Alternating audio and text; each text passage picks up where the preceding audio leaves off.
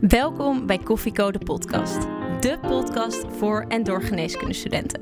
Waarbij wij, gewapend met een kop koffie, voor jou op pad gaan om interviews af te nemen met de leukste, interessantste en meest inspirerende artsen van Nederland. Dit is Koffieko. Hey Ko, ja wat doe je daar? Er staat een carrière voor je klaar. Maar je weet nog niet wat en waar. Een cappuccino maakt het minder zwaar. Dus zet je volumeknop omhoog. Want je luistert Koffieko en je weet het zo. Pa pa pa para para para. Leuk dat je weer luistert naar Koffiecode podcast. Wij zijn Doris Tessa. En Tiara. en vandaag hebben wij te gast Dr. Drost, arts-dermatograaf in het Antonie van Leeuwenhoek ziekenhuis en in haar eigen praktijk. Nou, dokter Drost, hartstikke leuk dat u er bent. Ehm, helemaal vanuit Amsterdam. Eh, de eerste arts die ook vanuit buiten de provincie Utrecht hier eh, bij ons te gast is. Dus welkom. Nou, dankjewel voor de uitnodiging. Ik vind het een hele eer dat ik mag komen. Heeft u in de file gestaan hier naartoe? Ja, absoluut. Maar dat is het helemaal waard. Nu al? Ja. Oh, mooi zo. Nou, zoals de naam van onze podcast al een beetje doet vermoeden, zijn wij altijd naar één ding extra nieuwsgierig. En dat is namelijk de manier waarop u uw koffie drinkt. Dus hoe, eh, hoe drinkt u hem? Eh, gewoon zwart. Gewoon zwart. Ja. En het liefst niet te sterk. Niet te sterk, want? Eh, Omdat ik er te veel op een dag drink. Oké. En anders heb ik hartkloppingen. Zelfbescherming. Zelfbescherming. Gaan, gaan de handen dan ook trillen? Eh, nee, gelukkig niet. Nee. Bij welk kooschap heeft u de meeste koppen koffie gedronken? Bij gynaecologie. Ja? Ja. Om wakker te blijven? Om wakker te blijven, de meeste nachtdienst en de meeste minder, of de minste slaap. Dus het idee van dat koffie je wakker zou houden. Maar dat is niet waar. Nou, we hebben het nu al een beetje over die kooschap. Dat is ook iets waar we altijd mee beginnen. Helemaal aan het begin. Nu vroeg ik me af, was het altijd de droom om geneeskunde te gaan studeren? Ehm, niet helemaal. Er waren twee dingen die ik wilde. Ik wilde en de kunstacademie en geneeskunde studeren. Ik had altijd wel enorm interesse in biologie en in het menselijk lichaam. En eh, van mijn vader moest ik een vak leren. Want die zei, als je nou gewoon maar eerst een vak leert... dan kan je daarna altijd kijken of je dan nog eh, je met kunst gaat bezighouden. Want dat is een hobby. Vond hij. dat vond hij. Ja. En tijdens die geneeskundestudie, was het toen voor u al meteen duidelijk welke richting u op wilde? Nou, ik wilde in ieder geval altijd een specialisme waar ik ook met mijn handen wilde werken. Want dat ik wilde beeldhouden op de academie. Dus ik wilde iets met mijn handen. En eh, dan was de combinatie ja, handen en denken en vak natuurlijk al heel snel iets in snijden. Ja. En dan was het iets chirurgisch, maar daar was ik toen nog niet helemaal uit of dat nou de algemene of de plastische of gynaecologie ook wel. KNO vond ik te weinig, want dat vond ik te, te pieterpeterig. En Oh ik ja. was niet zo dol op snot. Dus dat was niet mijn ding. Maar u wilde dus in eerste instantie chirurg worden, als ik het Ja. goed begrijp. Ik wilde, ja, want ik, ik had namelijk eh, altijd de instelling van iets wat ik echt heel leuk vind, dan vergeet ik de tijd. En ik eh, deed me, zelfs mijn JUCO al, dat is nu anders dan vroeger. Dan moest je dan in je derde jaar al doen. En, dan, eh, en ik had een baantje op experimentele chirurgie. En op het moment als ik, zodra ik op de OK stond of als ik iets mocht snijden, dan vergat ik de tijd. Dus dan wist ik, dat had ik met tekenen en met kleur en andere dingen ook. Dan wist ik dat dat iets beleef waar ik altijd mijn interesse in had zitten. Ja, en bent u ook al tijdens de kooschappen in aanraking gekomen met het medisch tatoeëren? Nee, helemaal niet. Ik had er nog nooit van gehoord. Wist ook niet dat het bestond.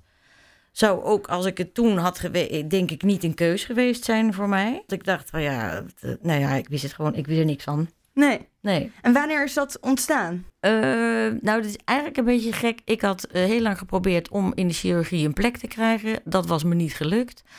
Toen was ik, nou ja, ook wel een beetje teleurgesteld. Want ik was op mijn 24ste cum laude afgestudeerd. Dat ik dacht, nou, daar ga ik leuk eh, meteen door. Nou, dat was, bleek dus niet het geval. Maar waarom was het niet gelukt, als ik dat vragen mag? Eh, dat was nog, eh dit is natuurlijk wel 30 jaar geleden, eh, een mannenbolwerk. En ik denk dat ik qua beide handen persoonlijkheid toch in die mannenwereld daar, dat ze, weet je, niet dat ik daar niet makkelijk tussen past. Nee. Dat zag ik toen niet. Ik dacht van jeetje, het is een soort discriminatie dat ik als vrouw daar niet bij kom. Maar ik ben iets uitgesproken en out of the box toch meer kunstenaar achter. En ik denk dat men dat beter zag dat ik dat misschien niet in dat stramien paste, Ja. dan dat ik dat zelf wist. Oh ja. Dus nou, gaat u verder met uw uh, verhaal hoe u uiteindelijk bij de dermatografie bent terechtgekomen? Ja. Die was nee, dus was niet geworden. Nee, het was niet geworden. Wel twee jaar als, als, als acneo gewerkt. En ik, nee, ik vond het nog steeds helemaal fantastisch. En, en ik wil graag mensen mooi maken. Dus toen was de keuze al snel gespecialiseerd op de plastische chirurgie. En ehm, toen dat niet lukte, nou ja, dan krijg je op een gegeven moment, eh, kreeg ik ook een kind, dus dat ging ook niet meer. En toen was het ook nog eh, dat ik te oud werd. En toen wist ik het niet meer. Toen Ja. was ik eh, eigenlijk een Ja. beetje in de teleurstelling dat mensen zeiden huisarts of iets. Dat dacht ik, nou, dat, dat vind ik niks. Was het dan echt als een droom die in duigen viel? Hoe nou, op dat moment zeker wel. Want ik dacht wel, van, ja, weet je, daar ben ik medicijnen voor gaan studeren. Toen had ik nog niet door hoe breed eigenlijk geneeskunde is. Nee. Dat je natuurlijk heel veel dingen kan. Toen ben ik een keer met een, eh, een man, die was de directeur van de GGGD, die ik ontmoette op een, eh, een congres. En daar had ik een heel leuk gesprek mee. En, die, en daar vertelde ik aan van, nou, weet je, waarom wil je, wil je dat dan? Vroeg hij. Ik zei, nou, ik vind toch met mijn handen en die creativiteit en iets moois maken en die mensen blij. En, eh, en toen zei hij van, nou, maar waarom kan je dan niet zelf iets bedenken in die richting? Dat ik dacht, nou ja, deze man eh. We- Hoezo bestaat dat dan? En eh, inmiddels was ik al de kunstacademie aan het doen. Want ik was een beetje zoiets van, nou, als ik dan niet dat in kan, dan ga ik misschien toch die, die tweede droom die ik al had, Toch nog opgepakt. Ja. opgepakt. En, eh, en toen dacht ik van, nou ja, weet je, het is natuurlijk wel mooi, een combinatie van. En toen had ik een vriendin, die was oogarts. En die vertelde dat ze een man in het ziekenhuis, die waren bezig met een onderzoek om ogen te tatoeëren. En toen dacht ik, nou, weet je, dat is en kunst. En mensen mooi maken. En toch met mijn handen werken. En iets nieuws. En innoveren. En dan ben ik uniek. Dus ik heb die man opgebeld. Of ik alsjeblieft eh, bij hem eh, mocht leren. En zij waren daar net mee bezig. Het was een tatoeagekunstenaar en een oogarts. En toen eh, zei ze van... En omdat ik op de kunstacademie zit, zei hij... Nou, dan mag je wel komen. Omdat ik arts was interesseerde, maar ik helemaal Toch nog even je vader opgebeld. Ja. hey, pap, zie je het? Zie je wel dat het wel werkt? Wat goed. En toen mocht ik eh, meelopen. En toen hebben we eigenlijk, heb ik van hem het tatoeëren geleerd. En ik heb zelf het medische stuk eraan toegevoegd. En gaandeweg is het vak dermatografie eigenlijk ontstaan. Want het was eigenlijk ja, wel dingetjes die er gedaan werden.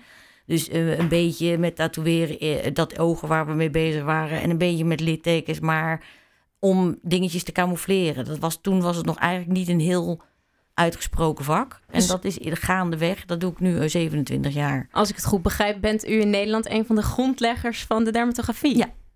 Wauw. Dat klopt. Ah, die hebben wij dan gewoon in onze studio. Ja, dat is wel bijzonder. Dan vraag ik me af, want u ging eh, dus die ogen doen. Kunt u nog de eerste keer herinneren dat u een tatoeage heeft gezet? Ja, en dat vond ik dood en doodeng. Want ja? ik moest nou met een naald in een oog prikken. Dat was wel verdoofd. Maar ik was als de dood, omdat ik eh, dus een rondje moest maken. Hè? Want je moet de iris dan inkleuren en een pupil. En je had vroeger zo'n spelletje, weet je, dat je dan een poppetje moest uitprikken met zo'n naald. En dan had je in één keer zo'n paardje in je handen. Of een ding. Ja. Ik was als de dood dat ik in één keer met die cornea zo in mijn hand zou zitten. En dat ik denk, die heb ik zo aan de naald zitten. Ik vond het echt doodeng. En je kan het ook nog lek prikken. Maar eh, dan de sensatie, als je het dan aan het doen bent, iemand met een wit oog. Een heel litteken, wat echt best eng is om naar te kijken. Want een wit oog ja, is toch altijd een beetje angstaanjagend. Sowieso iets wat niet klopt, trekt de aandacht. En als dan iemand dan weer een blauw oog of een bruin oog met een pupil... en het is dan lijkt ook nog op die andere kant... dan is dat ook wel een enorme sensatie. Ja, ik kan me voorstellen. We Eh, hebben het nu inderdaad al een blij. beetje over uw vakgebied. Maar Ja. ik denk dat heel veel van onze luisteraars nog denken van... Huh, wat doet ze nou eigenlijk precies? Dus eigenlijk wil ik aan u vragen of u voor alle luisterende co-assistenten en geneeskundestudenten... die nog nooit hiermee in aanraking zijn gekomen... wilt uitleggen in een paar nou, zinnen wat uw vakgebied nou precies inhoudt. Eh, het heet dermatografie, maar het is eigenlijk een vorm van eh, tatoeage, medisch tatoeage. En door middel van tatoeage kan je alles in de huid en in diepere laag inbrengen. Zowel eh, medicijnen als kleur, als ja, gewoon alleen een vloeistof. Eh, voor verdoving of et cetera. En daardoor kan je eh, op de huidlaag en op de diepere lagen een effect. Dus voor kleur is heel bekend dat je dus dan dingen kan retoucheren. Zeg maar iets wat afwijkt naar iets weer normaal maken. Een afwijkend transplantaatkleur in de huidskleur. Een tepel op een eh, borstreconstructie waar geen tepel zit. En je kan dus ook medicijnen intatoeëren, bijvoorbeeld een kenacort of een bleomycine. En dan heb je dus een, een grote immuunrespons in de huid, waardoor je dus een veel betere reactie krijgt dan als je het met een injectie zou inbrengen.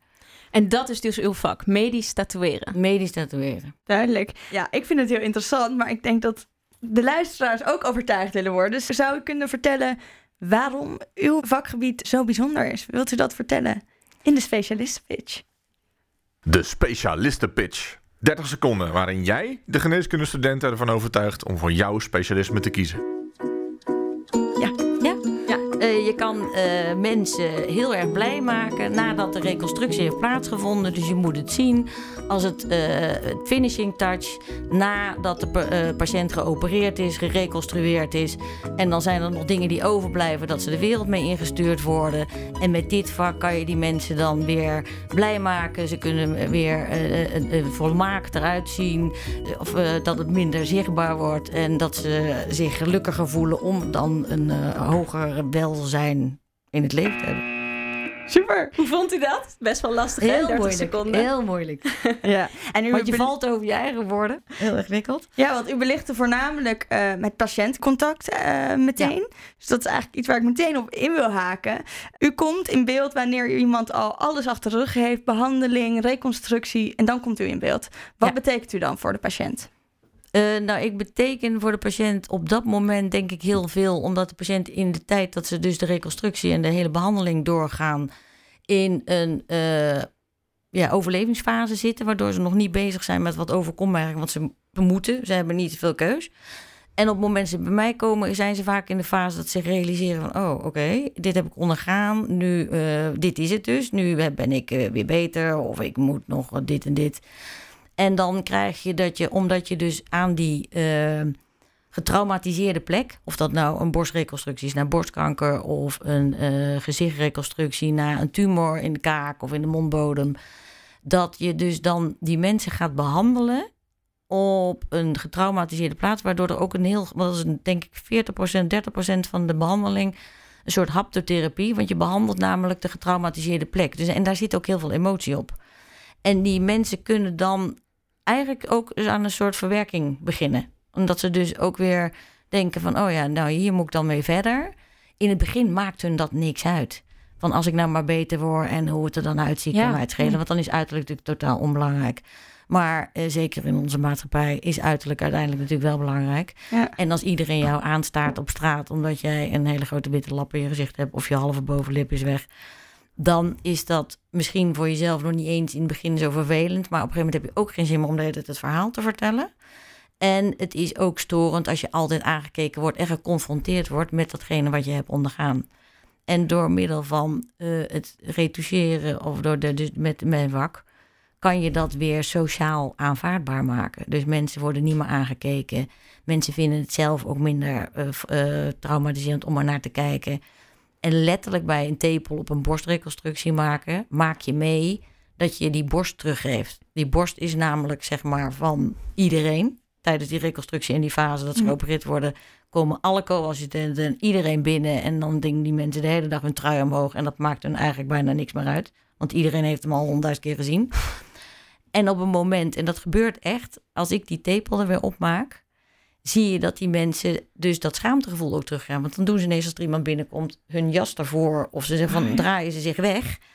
En dat is ook vergelijkbaar met, weet je, een Barbiepop, etalagepop heeft ook geen tepel. Dus die tepel maakt dan dus weer een borst. Zo ook wenkbrauwen in een gezicht of lippen op iemand die een transplantaat uh, heeft. En dat is allemaal pas weer van belang op het moment als je uit die overlevingsfase komt. In het begin, ja, ben je, ben je daar gewoon niet mee bezig. Dan ben je aan het overleven. Ja. Ik, het klinkt echt alsof u best wel intiem op die manier, zeg maar, zo contact maakt met uw patiënt. Door hun zo'n stukje van, ja, van hun uiterlijk, maar dus ook wel van hun ja, identiteit terug te geven of zo. Hoe ziet u dat? Nou, ik zie het zeker als een intensiteit. Dat vind ik ook het leuke ervan, het vak daarbij.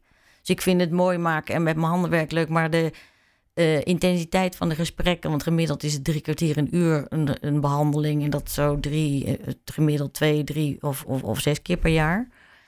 En in die uren heb je natuurlijk ook, weet je, het gaat wel meteen ergens over. Het is niet van, god, het was leuk weer buiten. Ja. maar die mensen willen natuurlijk ook, en ik vind dat ook heel interessant. Om Hm. dat hele dat maakt het wel heel intens. Dus daarom is het, weet je, kan je dat misschien niet vijf dagen, 40 uur per week. Want dan ben je op een gegeven moment ook wel een beetje aan murf. Want hoeveel patiënten worden daar emotioneel bij u in de behandelkamer?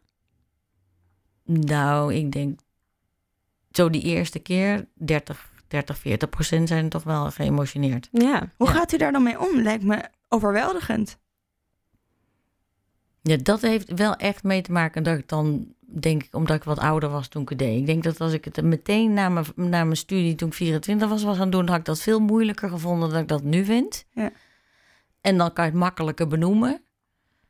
En soms raakt het mij natuurlijk ook, weet je, dat je Ja. in één keer, omdat het dichtbij komt, of omdat het een heel jong iemand is, of dat je ineens eh, het, het verhaal dat je denkt, want het komt altijd met heel veel. Hè? Dus Mhm. die mensen hebben iets en dan komt er natuurlijk altijd nog een hele domino-effect van allemaal dingen bij. Ja. Maar kan wel op zich makkelijk daarover praten. Maar, ja. dat, maar dat heeft wel ook wel met ervaring te maken. Want als ik het zo hoor, voelen uw patiënten zich best wel op hun gemak bij u. Omdat ja, ze die emoties toch durven te tonen. Ja. Heeft u daar tips voor hoe je dat als co-assistent het best kan ja, creëren in de spreekkamer? Nou, het mooie van, van het beroep is dat je, ehm, je bent voor hun toch een vreemde. Dus het is soms voor hun makkelijker Ja. als, je, eh, als zij dat gesprek bij jou kunnen hebben. En dan gaan ze daarna weer weg. En dan, is, weet je, dan, dan blijft het niet meer ergens zitten. Er, is, heeft, er zit geen, geen hele context bij. Terwijl, eh, en daarom is het ook wel soms jammer dat je hele leuke patiënten leert kennen. Dat je denkt, nou, ik zou er best vrienden mee kunnen zijn. maar dat is dan weer een stap te ver, want dat kan daarna niet meer. Ja. Want je hebt dan te intimiteit gezien, dus daarna wordt dat moeilijker. En ik denk als co-assistent dat je niet bang moet zijn om iets te zeggen. Je kan niet heel veel fout doen. Kijk, je kan iemand die niet recht in zijn gezicht gaan uitlachen, dat is een beetje raar. maar, maar je kan soms ook wel de humor of soms dingen van... oh ja, ik vind het eigenlijk best wel ingewikkeld, ik weet ook even niet. Weet je, dat, Ja. dat maakt nooit uit. Als het een menselijke... Weet je, als je die interactie... dan is het voor de patiënt ook al... Want als de patiënt zich gehoord voelt, is het eigenlijk al heel snel goed. Dus benoem dingen die je voelt of die je... Ja, En dingen die je moeilijk vindt. Of, of dat je zegt van god, wat, wat van, vindt u? Of, en heel erg ook contact maken door iemand aan te kijken. Tegenwoordig is tegen alles achter de computer. Maar dat is natuurlijk eigenlijk het vreselijkste wat er is. ja. Want dan denken ze van oké, ben u nou met die computer bezig? Of was Ja, met precies. praten? Ja. Is er een keer een patiënt geweest die u zo is bijgebleven waarvan u denkt, nou, dit, dit was een verhaal? Dat zijn denk ik toch wel het meeste de mensen met aangezichtsproblematiek. En dan is het vaak niet het verhaal wat ze hebben. Want dat is natuurlijk bij iedereen, ja, eigenlijk allemaal bij- bijna even Mhm. Is vaak hetgeen wat ze dan allemaal ten gevolge daarvan hebben meegemaakt. En er is dan wel één mevrouw die door de tumor in haar aangezicht en de operatie al 23 jaar een baan had, de baan kwijtraakte, eh, sociaal in isolement. En dat ik dat je dat, dat het, dan weet ik nog wel dat ik dat heel erg mee naar huis nam. Dat ik denk, mijn god, weet je, dan heb je al dat, dan heb je dat overleefd. En het was eigenlijk zo'n ongelooflijk positief ingesteld iemand. Die het ook bijna niet kon voorstellen dat haar dat overkomen was. En dat vond ik toen Nee. ontzettend indrukwekkend. En wat ik altijd heel erg ingewikkeld vind, dat mensen zeggen... ja, altijd ergens gebeurt iets goeds voor. Nou, daar word ik ook al een beetje moe van. En, eh, Ja. Als sommige zulke- dingen zie ik dat niet, hoor. Nee. Nee. nee. Heeft het uw baan dan nu ook veranderd als dit soort dingen meemaakt? Ja, je wordt er enorm, eh, in het Engels heet dat humble, eh, Ja, eh, nederig. nederig van. Vind ik, vind ik enorm, vind ik echt. Ik kan echt, wat je s morgens boos uit de file komen. En ik denk, godzakker, dan zat er weer een uur stil. en dan kom ik dat ziekenhuis binnen en dan zie ik daar iedereen. En dan denk ik, ja, waar heb ik het over? Ja. ja. En dat heeft dat mij wel echt heel erg gemaakt. ja. Eye-opening. Kan ik me voorstellen. We hebben het nu best wel veel gehad over de emotionele kanten van ehm, uw vak. Ja. Ik ben ook wel benieuwd naar die praktische kanten, want het is een heel praktisch vak. Ja. Ja, wat ik me meteen afvraag is, eh, hoe kunnen co-assistenten dermatograaf worden? Nou, dermatografie denk ik dat het op zich eh, een o- op zich staand vak. Ja, voor mij is het wel een op zich staand vak omdat ik het heb ontwikkeld en dingen erbij ben gaan doen. Maar ik weet niet of het echt een gerenommeerd specialisme is, zoals bijvoorbeeld chirurgie of gynaecologie. Ik zie het eigenlijk meer als een subspecialisme. Dat mensen die bijvoorbeeld of in de plastische chirurgie of in de dermatologie het er een deel bij zouden kunnen Oh, doen. ja. Omdat er heel veel toepassingen zijn. Dus je kan zowel, dus het kleuren, nou dat spreekt iedereen voor zich. eh, Of je een tepel tekent. Het is leuk als je wel kleurgevoel hebt en dat je in ieder geval eh, iets kan tekenen. Eh, maar dat je eh, de praktische dingen, dus de, de, de tatoeagemachine, dat je handig bent, dat je een vaste hand hebt, dat je. En er is nog heel veel te innoveren. Dus het is ook leuk dat je als je het, eh, een, een specialisme hebt en je kan het vak toepassen. Want ik heb ook gaandeweg het vak uitoefenen dingen ontdekt die daarvoor daar niet mee konden. Ik deed bijvoorbeeld eh hazenlippen tatoeëren. Eigenlijk eerst voor de het roodheid van, van het litteken onder de neus. Maar al die patiënten, eh, en dat is wel leuk om te noemen van de mensen. Ik zit dan in Amsterdam dat het hier op de kaakchirurgie in Utrecht is begonnen. en dat die patiënten allemaal zeiden van, eh, ik kan beter praten, eh, mijn prothese zit er los. Dat, we da- dat ik dacht, dat is best wel raar. Wat gebeurt er dan daar? En toen dan biopte van het littekenweefsel. En littekenweefsel verandert echt door tatoeëren. En ook door er kennen kort in te tatoeëren of überhaupt door het insteken van die naalden. Want het wordt losser of zo. Het wordt losser. Je krijgt dat alle collageenvezels zich weer in, eh, in de structuur gaan leggen. Die liggen eerst als een weerwar door elkaar. En dan daar gaan ze weer zeg maar, in elastine richting, waardoor er weer meer ruimte komt. En daardoor kan je dus in die, eh, in, met littekenweefsel best veel doen. Ook Ja. bij strengen van brandwonden, dat mensen hun mond weer open kunnen doen. Dus je kan heel veel praktische dingen daarmee doen. Maar die zijn allemaal ontstaan door eh, in de loop van de jaren dat ik het vak deed. Ja. En iedere keer is er wel, ik, het enige jammer is dat dat doe je, is het natuurlijk leuker als je dat in, met meerdere mensen doet, want iedereen heeft weer een open mind, dus dan komen er allemaal weer nieuwe dingen bij. Ja, dus het is eigenlijk zowel eh, op cosmetisch vlak en somatisch vlak. eh, Ja, En functioneel, en- absoluut. Ja, Ja, functioneel, ja. En hoe ziet uw dag er eigenlijk uit? Want u werkt dus vanuit huis en u werkt in het ziekenhuis, in het AVL. Ja. Kunt u ons meenemen in een dag van een dermatograaf? Nou, de, de dagen in het ziekenhuis zijn voornamelijk behandelingen. Dus ik heb eh, niet zo heel veel. eh, wat, wat praten doe je tijdens de behandeling. Ja. En eigenlijk is de dag zo dat ik kom binnen en drink koffie. Zet ik mijn hele eh, tafel klaar met alle kleurstoffen en alle materialen die ik nodig heb. En mijn tatoeagemachine. En dan doe ik zo gemiddeld 12 tot 14 patiënten op een dag. Ik ben een, eh, eh, iemand die te, te veel, maar dat is omdat er zo veel eh, wachtlijst is, dat ik dat dan in de lunchpauze ook nog wegwerk. En dat zijn denk ik gemiddeld, nou, drie A4 of drie tepels per dag. En daar zit natuurlijk ook heel veel verschil in. Want dan denk je, ja, doe je nou eigenlijk alleen maar een rondje een tepel. Maar de een heeft natuurlijk met littekens, de ander heeft met een knopje. En de moet je weer iets heel anders doen. En, en lappen in het gezicht. Dus dat zijn de drie dagen dat ik in het ziekenhuis zit. Waar ik ook dan de oogtatoeages doe. Dus cornea tatoeages. En ik heb daarnaast nog een botoxspreekuur eh erbij ontwikkeld. Omdat dan dat ook bij de borst, weet je. Dus het is zeg maar alle nabehandeling om het draagzaam te maken en aanvaardbaar te maken, zit dan bij mij. Ja. Want Daarvan- wat heeft botox Ja. met de borst te maken? Eh, nou, als mensen een reconstructie hebben gehad en ze hebben heel veel last van die eh, borstspier waar de prothese onder ligt, waardoor die dus heet het samentrekt, onwillekeurig willekeurig samentrekt en ook eh, een, een spasme kan, waardoor ze kramp hebben of pijn, kan de botox die spier wat ontspannen, waardoor die ja, rustiger en minder pijnlijk is. En doordat ik dus dat botox ben gemaakt, doe ik dat ook heel veel bij mensen met aangezichtsproblematiek. Waardoor ze bijvoorbeeld als hun mond niet meer kunnen sluiten na bestralen, tatoeëer ik eerst zeg maar de bestraling en het litteken wat vastzit. Maar als dan die eh, spier minder goed functioneert, kan je met botox zorgen dat die mensen beter hun mond kunnen sluiten of minder kwijlen. En dan Ja. is dat een toepassing in Ja. verschillende dingen. Dus dat doet, doet u er nog naast. En Ja. dat zijn drie dagen in de week. En, En- in de eigen praktijk eh, deed ik vroeger eigenlijk altijd tatoeages die niet in het ziekenhuis vergoed werden. Dus dat is de reden waarom ik een Ah. praktijk aan huis heb. Want er zijn. eh, ik heb toen heel erg gestreden, 25 jaar geleden, om er echt een officiële DBC en een code voor te. Dat is gelukt. Eh, voor de mensen met wijnvlekken, de mensen met pigmentstoorn, maar ook mensen die na een facelift littekens.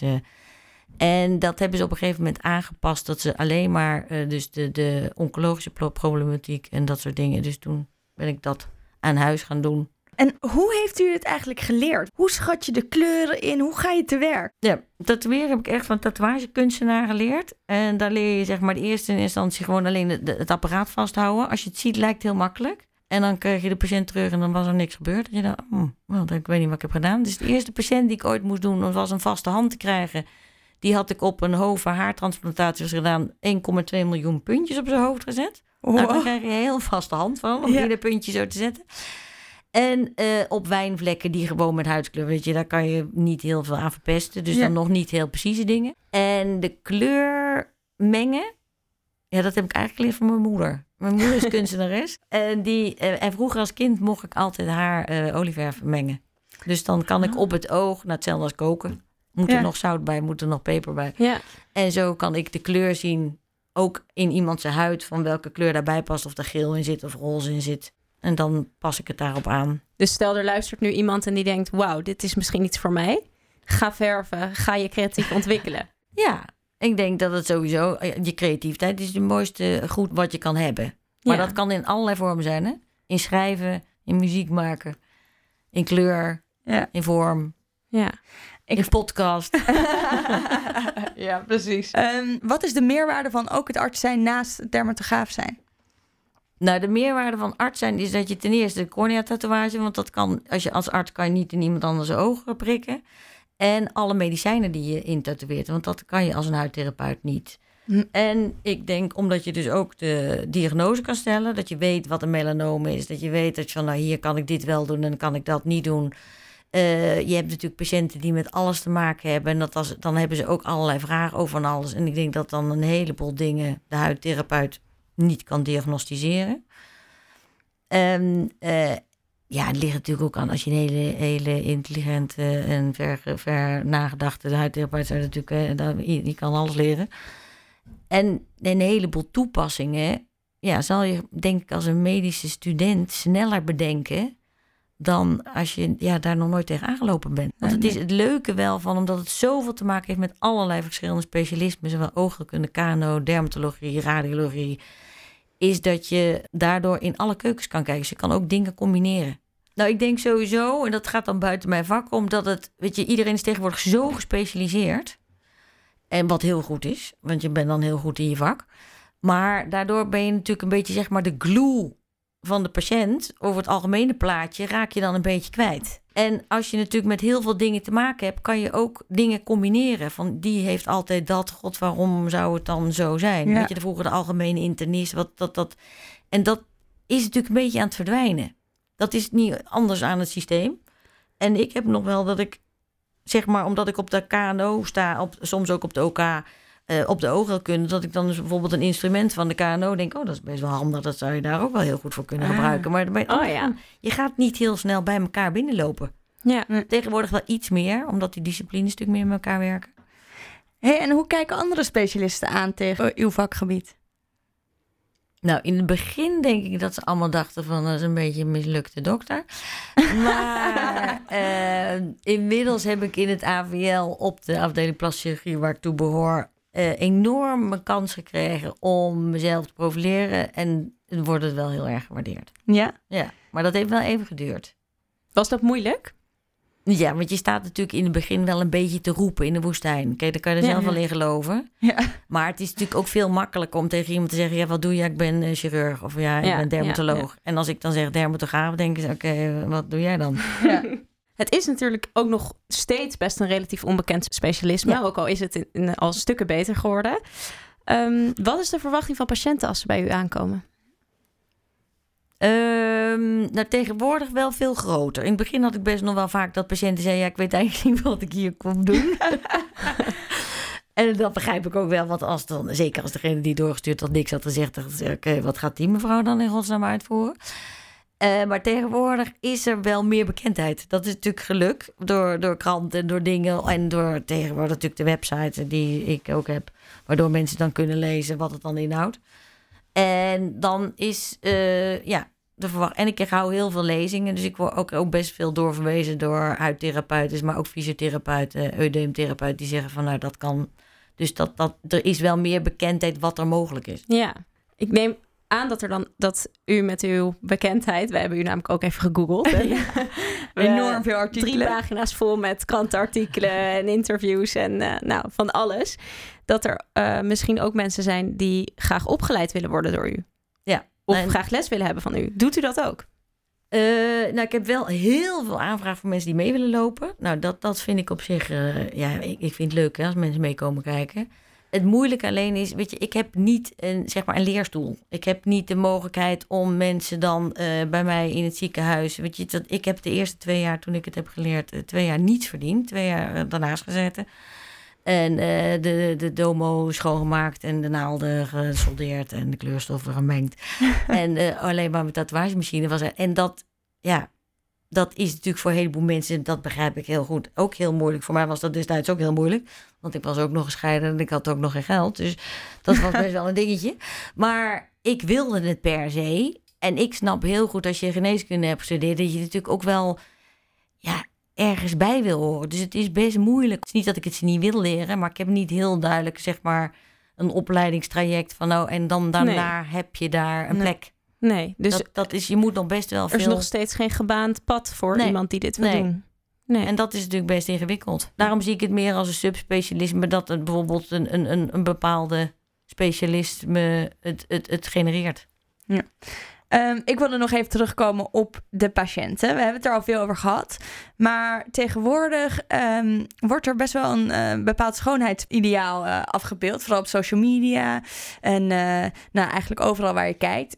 Komen er eigenlijk ook bijvoorbeeld jonge meisjes bij u langs... die dus zichzelf eigenlijk nog mooier willen maken... door middel van die tatoeages?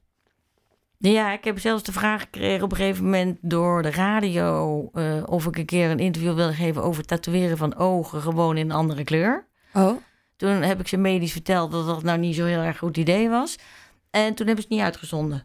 oh? Want men wilde heel graag groene ogen, maar ze wilden eigenlijk liever dat ik een ander antwoord gaf. Dus ze wilden helemaal de medische indicatie van de cornea tatoeage in andere kleur niet. En, en dan gaat dat eh, heel grappig genoeg losstaan van eh, het effect wat het op het lichaam zou hebben. En dan ben ik toch te veel arts. Dan, Dat ik denk van, ja, dan ben je niet goed. Nee. Dat er niet iets wat heel mooi is verpest, omdat je er leuker uit was. Ja, eens even opzeggen. Dus aan die gekte doet u niet mee. Nee, Want u zegt, nou ja, daar doe ik niet aan mee. Maar dat is er vind ik ook misschien van ook. het tatoeëren van wenkbrauwen, vind ik ook verschrikkelijk. Oh ja. Maar dat Oh is ja? misschien ook omdat er risico's aan tatoeages zitten. Of is dat niet zo? Eh, de risico's aan het tatoeëren, wat, wat in, de, in de media zo bekend is, gaat over de kleurstoffen. Wij maken, eh, hebben, ik heb altijd de kleurstoffen zelf gemaakt. En dat is degene waar we het nu dan kopen. En dat is eigenlijk de sporenelementen die in de kleurstoffen zitten. Dat zijn de elementen van eh, vrije eh, radicalen en metalen. Metalen, ja. En wij hebben al die kleurstoffen getest op al die metalen die dus er niet in zitten. Oh ja. Dus dan eh, zijn die kleurs en die kleurstoffen zijn ook iets anders van structuur. Want het gekke is, ik maak heel veel tatoeages die onzichtbaar moeten zijn. Dat is natuurlijk heel raar in een tatoeage, want een tatoeage wil je zien. En Ja. de mijne wil je niet zien. want als ik een vlek ingekleurd heb, wil je niet ineens dat je een andere kleurvlek hebt. Nee, nee. Nee. Dus, Dus de dat- risico's zijn beperkt. De risico's zijn heel beperkt. Ja. En als ik het eh, risico te groot vind, doe ik het niet. De co-telefoon. Ja, de co-telefoon is altijd een vraag ingestuurd door een van onze luisteraars. En die luidt vandaag als volgt. Ehm, heeft u zelf tatoeages? Nee, Nee? Heeft u er wel eens over nagedacht? nee, ik hou helemaal niet van tatoeages. Dat weet je niet. Ik vind het bij sommige mensen, sommige dingen kan ik me heel goed voorstellen dat je dat wil. Maar dat is heel erg tijdelijk. En ik kan helemaal gek van iets. Ik heb niet eens gaatjes in mijn oren. Oh, Ik kan dan tijdelijk helemaal gek van iets zijn. Maar ik weet ook dat ik er weer genoeg van heb. Dus dan denk ik, nou, nee, waarom zou ik het doen? Want ik kan het niet meer weghalen. nee. En die misvatting is ook van je tatoeage kan je weer weghalen, is gewoon niet. Nee. Maar het is natuurlijk enorm van deze tijd. Dus ik begrijp het wel. Maar nee. ik, nee, ik heb ze niet. En heeft u niet dan ook een keer zo'n litteken gehad waarvan u dacht, nou, die kan ik zelf even mooi inkleuren? Dan is het Ik heb wel heel veel dingen op mezelf uitgetest. Want dat eh, bepaalde mensen dan vroegen of je ook as kon tatoeëren. Eh, weet je wel, van, van de overleden hond of van de weet ik wat. En dat is dan koolstof. En dat, eh, nou, zo'n ontstoken arm dat je dacht, oké, doe, doe maar niet. Oh, wacht even. En- As van een overleden hond? Dit Ja. gaat me iets te snel. En dan laat je steriliseren en dat is dan echt koolstof. Want koolstof, het zwart wat je gebruikt bij tatoeage, is ook eh, koolstof. Oké. En dat zou dan een beetje, dat is dan in, ineens in de media van, oh, dan kan je dat allemaal eh, voor de rest van je leven meedragen. Nou, nee, Nee. dat is toch net even een ander verhaal. Ja. En, eh, en, dan, en, dus dan, en ook met medicijnen. Dus ik heb wel een litteken getatoeëerd om het platter te krijgen. Maar ik heb er verder niet een kleurtatoeage of Nee. een plaatje iets. Wat als een van uw kinderen dat eh, zou willen? Nou, ik heb er een die er vijf of zes heeft. Oh. Dus. Het Had ik wordt er in wel het begin wel een beetje van gechoqueerd. Nee, ik, ik snap het van de jonge mensen zeker. Ja, we hadden het net even over de risico's van tatoeëren. En we kwamen er een beetje op uit dat dat nou, beperkt is. Maar gaat het wel eens fout, een medische tatoeage? Mm, maak je wel eens een fout? Ja, het, het- nee, het resultaat valt wel eens tegen. Dat is het meer. Kijk, een fout. Ja, natuurlijk maakt iedereen maakt fouten. Ja. Je hebt ook wel eens dat de kleur afwijkt of dat het niet eh, helemaal overeenkomt. Maar ja, is dat fout? Ja. Je kan, je, weet je wat het voordeel is? Je kan bijna alles corrigeren door middel van mijn vak. Want ik kan me juist voorstellen dat een tatoeage heel permanent is. Dat als je eenmaal een streep hebt gezet, Ja. dat die streep er wel staat. Ja, maar deze kleuren die ik gebruik, kan je onderling allemaal mengen. Dus je kan ook bijvoorbeeld als iemand weer hergeopereerd is en het oude tepel zit er nog, kan je die met huidskleur overkleur en dan kan je dat ook allemaal Ah. wegkrijgen. Dus, dus je kan heel Je veel kan het eigenlijk uitgummen. Ja, ik kan het een beetje. Het duurt wel even, maar het kan wel. Goed om te weten. Ja. hey, de toekomst van de dermatografie. Hoe eh, ziet u je voor zich? Eh, nou, ik zou het heel leuk vinden als er gewoon meerdere mensen de- het zouden blijven toepassen. Want het zou zonde zijn als het uitsterft. Maar eh, hoe het nog helemaal handen en voeten eh, gaat geven, dat weet ik nog niet. En heeft u zelf nog dromen wat u wilt bereiken? Ja, dat is natuurlijk heel moeilijk. Ze hebben destijds gevraagd of ik wilde promoveren. Daar was ik toen heel leuk aan begonnen. Maar dat is toch niet helemaal mijn ding. ik ben niet zo'n enorme schrijver. Nee. Eh, zou ik voor het vak wel heel leuk vinden. Maar eh, Bepaalde technieken waarvan u denkt... ja, ik zou nog wel meer toepassingen willen. Hè? Net als dat we toen therapie-resistente vratten hebben getatoeëerd met bleomycine. Deed bij de moedervrat, maakten mensen hand, eh, antistoffen en dan gingen alle vratten weg. Oh. Dat is dus dat je het immuunsysteem, want je doet net als bij TBC, je maakt een enorme immuunrespons als je een groot deel tatoeëert. Hebben ze destijds bij muizen ook geprobeerd om mensen die eh, erfelijke melanoom hadden, om dan hun DNA te tatoeëren. Bij de muis werkt het, helaas op de mens eh, werkte het bij het onderzoek niet. Dan zijn er natuurlijk wel nog veel meer toepassingen mogelijk. Ja. Want de krasjes van de TBC van vroeger maakte je ook een immuunrespons als je een groot gedeelte. Want de huid is natuurlijk je grootste afweerorgaan. Dus een groter deel van de huid van een invasie van buitenaf. En bleomycine kon je dus met een injectiespuit. Maar als je tatoeëerde, had je een veel beter effect. Want wat is bleomycine even voor al onze Bleomycine is een luisteraars? eh, chemokuur. En die je dan echt door middel van het tatoeëren in de vrat aanbrengt. En daardoor kreeg je natuurlijk een heel grote plek om het eh, aan te pakken. En, een immuunrespons Ja. op, eh, vanuit de huid. Wat ook bijvoorbeeld bij neuralgieën zijn. Als je een boven een tenniselleboog met kort boven dat precies die plek waar de zenuw begint met prikkeling tatoeëert, eh, dan eh, gaat de pijn weg en gaat de ontsteking weg door de immuunrespons. En dit werd al toegepast bij eh, de mensen 5000 jaar voor Christus, want de mummie van Otzi heeft allemaal tatoeages die daartoe dienden. Die had dus functionele tatoeages en geen mooie tatoeages. Wauw. Huh? Het is dus een van de oudste vakgebieden. Ja, Ja. ja want die, die waren al zichtbaar toen die mummie gevonden werd. Daar zijn we toen bij gevraagd, omdat ze niet begrepen wat voor tatoeages dat wa- dat waren. Wow, bijzonder. En toch merk ik dan bij mijn eigen kooschappen, bijvoorbeeld bij de neurologie, dat er mensen zijn met nou, bijvoorbeeld een neuralgie. En dan heb ik deze optie eigenlijk nog nooit voorbij horen komen. Nee, Hoe maar is dat, dat? Ja, dat, nou ja, omdat het dan moeilijk is om als één persoon dat uit te dragen. Ja. Dus Want- ik weet dat het werkt, omdat die mensen dan bij mij dat vertellen terwijl ze in de stoel liggen. En dan komen ze natuurlijk voor iets heel anders.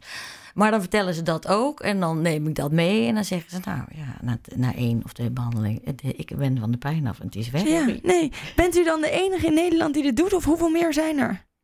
De toepassing is op functioneel en, Ja. en, en ben ik de enige. Echt? Nou, ik zou Graag me dan wel, als ik, als ik dit hoor en hoeveel mensen hiermee geholpen zouden kunnen zijn, zou ik denken, eh, u moet, eh, moet u geen opleiding beginnen of moet het niet? Ja. eh, hoe denkt u daar zelf over? mijn handen beginnen te kriebelen. Eh, ja, nee, ja, dat zou natuurlijk. Dat, dat- maar dan moet je natuurlijk ergens gewoon een platform hebben Ja. om dat te kunnen Ja. doen. Dus dat zou op zich heel leuk zijn. Nou, wie weet luistert er iemand die eh, denkt, Die dit moet gebeuren. ja. Ehm, ik wil nog één ding belichten, want het kwam al tussen neus en lippen door. Maar met welke specialismen werkt u allemaal samen? Eh, de plastische chirurgie, de KNO, de dermatologie, eh, de algemene chirurgie, mindere mate urologie, radiotherapie. En u Zo. gaat dus eigenlijk best met veel eh, chirurgievakken om. Ja. u af en toe nog zoiets van, oh shit, ik had het toch wel willen worden? Eh, nou, ik, het leuke is dat, dat ik het voorwerk doe voor lipofillingen als mensen een volumetekort hebben na bestraling. En die, die doe ik dan op het OK. En de, ja, dan blijft het toch wel dat ik het heel jammer vind. En dat ik het ook een gemis voor de chirurgie vind. Dat ik denk, nou, ik had wel een goede chirurg geweest. Ja. Ja. Maar ik ben ook heel blij dat ik geen nachtdienst heb. En uiteindelijk, ik heb vak. mijn kinderen alleen grootgebracht. En ik denk dat ik dat beter met dit vak heb kunnen combineren dan als ik chirurg was geworden. Ja, we gaan door naar Ja, het persoonlijke over- stuk. Ja. En eigenlijk wilde ik dat openen met een eh, bijzondere vraag. Namelijk, is er een tatoeage waar u het meest trots op bent? Ja, ik denk toch de oogtatoeages bij de kinderen in Nepal die uit een dorp zijn, en Tibet, die uit een dorp zijn gezet. Omdat een wit oog de kleur van de dood heeft. En dan is een kind met een wit oog daar het boze oog. En ik kan dan in een uur tijd iemand een leven teruggeven. Want ik denk dat ik daar wel meest trots op ben.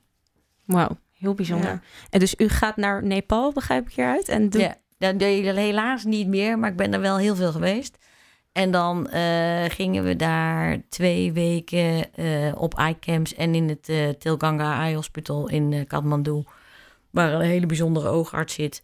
En die genereerde dan al die patiënten, die kwamen dan vanuit heel Nepal en ook vanuit Tibet en het ref- refractory camps eh, om eh, voor dat witte oog. En dan, dan gingen we daar aan die, eh, de, daar die mensen behandelen. En dan deden we er gewoon 20 of 30 op een dag. Wauw. Heel dankbaar. Heel dankbaar. We hebben het al gehad over de kunst. En ik vroeg me af, bent u daar nog steeds mee bezig? Wat u? Ik doe te weinig eh, in de kunst, maar ik vind op zich eigenlijk alles met mijn handen kunst. Dus of ik nou bloemschikken doe, of dat ik nou eh, teken, of dat ik mijn huis verbouw, dat vind ik eigenlijk allemaal kunst. Ik heb wel twee jaar als kunstenaar eh gewerkt, maar ja, helaas, daar kon ik niet van leven. En Nee. geen twee kinderen van grootbrengen.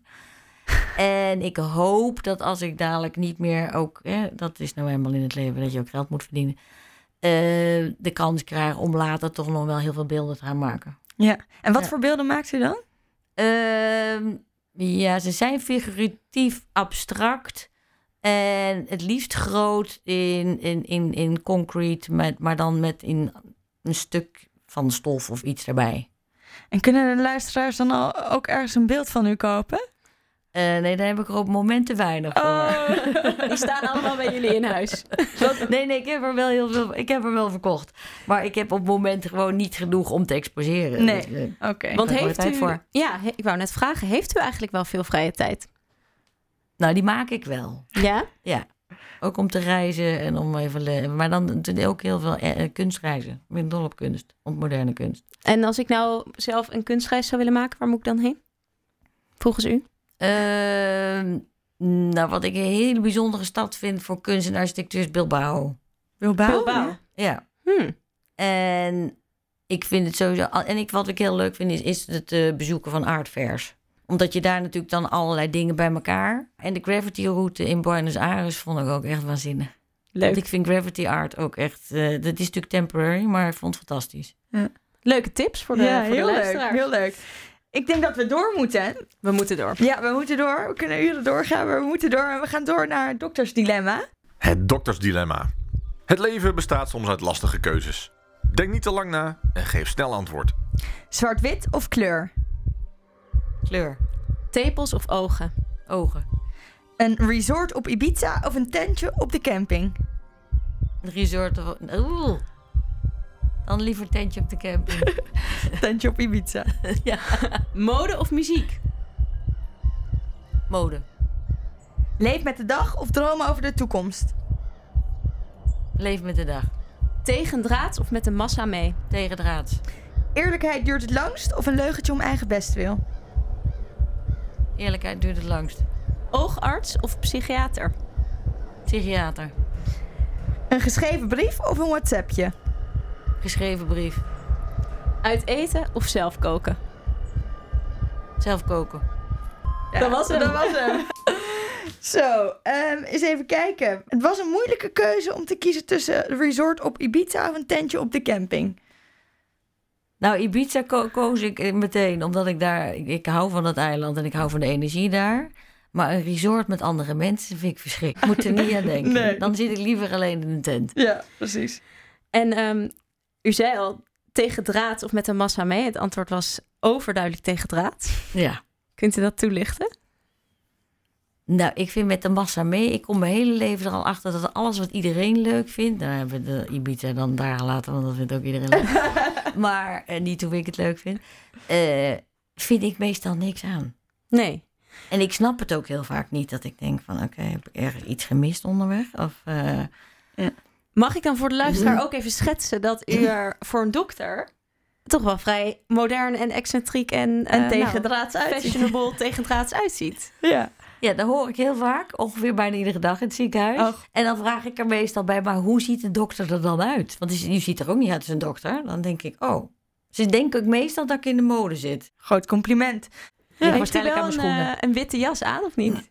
ja, is verplicht. Oh ja, het is verplicht. Ja, vind ik best moeilijk. Daarom Ja? heb ik altijd hele mooie schoenen aan, want het is het enige stukje wat je ziet. Ziet, ja, dat klopt. En Ja. ook hele hoge schoenen. Ja. Ja. Kunnen de luisteraars op de foto op Instagram wel eh, bewonderen. Inderdaad. Ehm, oogarts of psychiater, wat was daar het antwoord op? Psychiater. Overduidelijk psychiater. Ja, vertel. Nou, ik vind eh, de psyche en de brein zoiets ondergrondigs. En ik vind het nog steeds een deel wat totaal niet erkend wordt in de wereld. Wat ik eh, best heel verdrietig vind voor de mensen die Ja. psychisch lijden. Ja. Ja.